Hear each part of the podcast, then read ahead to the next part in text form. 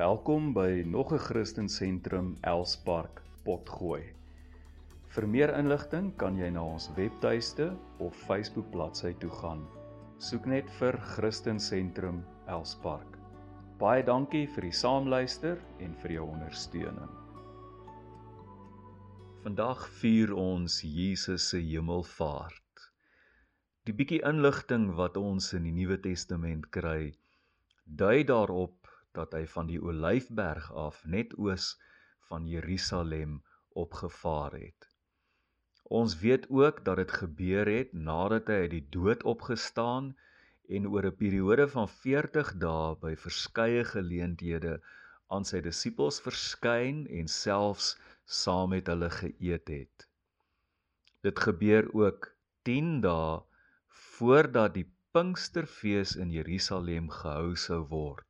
En ons weet dit is die dag waarop die Heilige Gees uitgestort word. Jesus se hemelvaart word 10 dae later gevolg deur die uitstorting van die Heilige Gees. 'n Vraag wat by my opkom is wat pre presies beteken dit as ons sê dat Jesus opgevaar het na die hemel?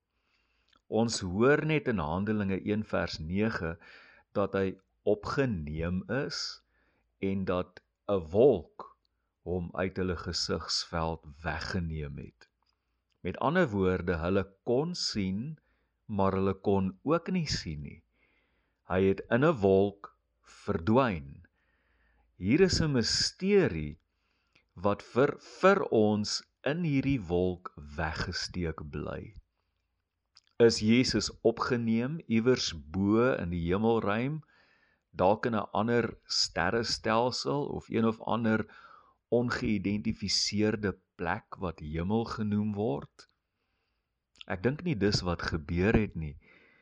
Die wolk het hom uit hulle gesigsveld geneem en Jesus is opgeneem in 'n ander dimensie.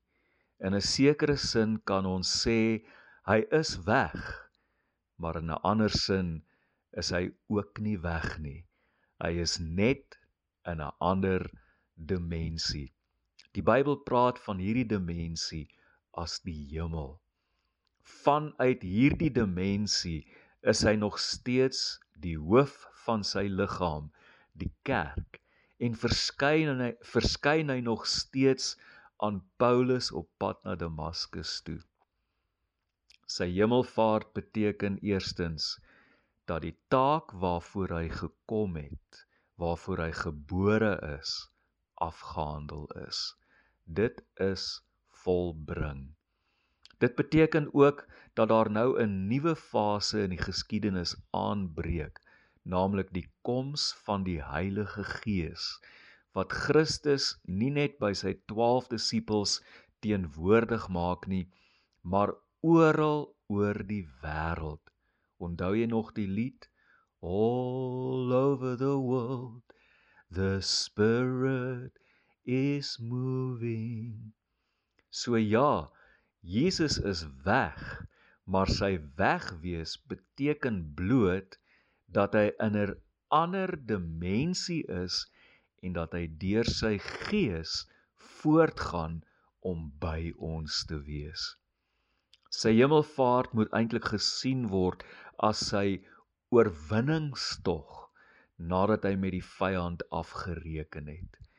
Is jy nie bly dat Jesus se lewe uh nie in die graf geëindig het nie, maar in die oorwinningstog van sy hemelvaart? Ons kry die idee van hierdie oorwinningstog van Jesus baie duidelik in Efesiërs 4 vers 8.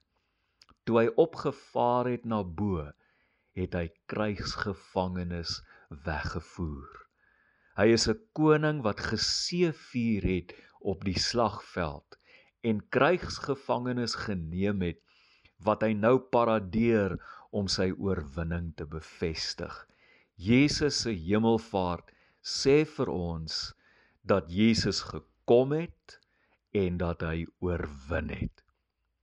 Volgende toe Jesus opgevaar het, wat is die volgende ding wat hy gedoen het?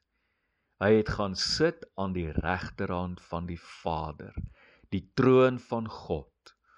Jesus se hemelvaart beteken met ander woorde dat hy die troon bestyg het, dat hy sy plek op die troon ingeneem het, dat hy koning is. Die hemelvaart herinner ons daaraan dat Jesus koning is en dat hy regeer. Onthou dit asseblief wanneer die wêreld so stikkend en deurmekaar lyk. Die feit dat hy op die troon is, beteken dat hy regeer. En omdat hy regeer, sal reg en geregtigheid uiteindelik geskied en is hierdie wêreld se toekoms reeds vasgemaak. Ons is op pad na God se nuwe wêreld toe. Dis net 'n kwessie van tyd. Laastens, sy hemelvaart het gepaard gegaan met 'n belofte. Terwyl die disippels stip na die hemel kyk, waar 'n wolk Jesus nou net uit hulle gesigsveld verwyder het, was daar meteens twee mans in wit klere by hulle. Wat het hierdie twee mans vir hulle gesê?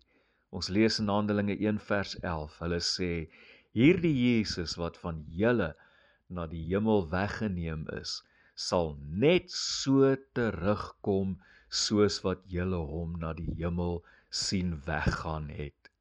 Soos hy gegaan het, net so sal hy weer kom. Sy hemelvaart hou die belofte van sy wederkoms in. Terwyl ons vandag terugdink aan sy hemelvaart, laat ons onthou net soos hy gegaan het, net so sal hy weer kom. Dis die hoop waarmee ons leef. Amen. Here, dankie dat U opgevaar het dat U U plek ingeneem het as koning dat u hemelvaart u oorwinning bevestig.